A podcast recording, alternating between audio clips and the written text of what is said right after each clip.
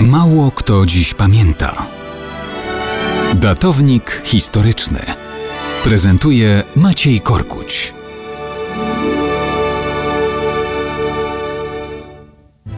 Mało kto dziś pamięta, że w weekend minęła rocznica śmierci we wrześniu 1217 roku przywódcy Estów Lembitu, zwanego po łacinie Lembitusem.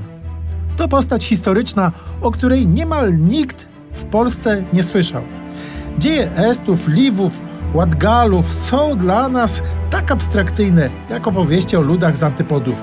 A przecież to wszystko dzieje się tuż obok nas, nad Bałtykiem, gdzie miejscowe ludy, skąd my to znamy, musiały walczyć o swoje miejsce na ziemi między Niemcami a księstwami ruskimi.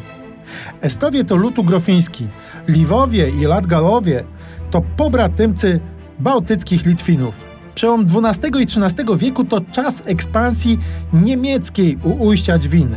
Przybywają tam z Niemiec najpierw kupcy, za nimi misjonarze, ci ściągają rycerstwo, które będzie ich bronić, ale też i podbijać nowe ziemie. Powstaje niemiecki zakon kawalerów mieczowych, który, podobnie jak krzyżacy, zaczyna tworzyć podstawy nowego państwa zakonnego na ziemiach Liwów i Ładgalów. Aby je rozszerzyć, trzeba podbić na północy Estów, a na południu Litwinów.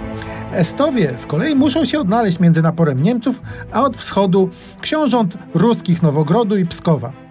Estoński starosta Lembitów walczy i z jednymi i z drugimi. Raz zwycięża, innym razem przegrywa. Trafia do niemieckiej niewoli, wychodzi na wolność, walczy dalej. Dogaduje się w roku 1217 z Rusinami, aby wspólnie rozbić zastępy niemieckie. Najeźdźcy z zamorza chcą jednak zapobiec połączeniu sił wrogów. We wrześniu 1217 atakują Estów pod Fellinem. Lembitu walczy dzielnie, ale niemieckie rycerstwo przełamuje szyki obrońców. To jest olbrzymia klęska. Lembitu ginie na polu bitwy. Tak kończy się życie wodza Estów, walecznego ludu, bynajmniej nie z antypodów.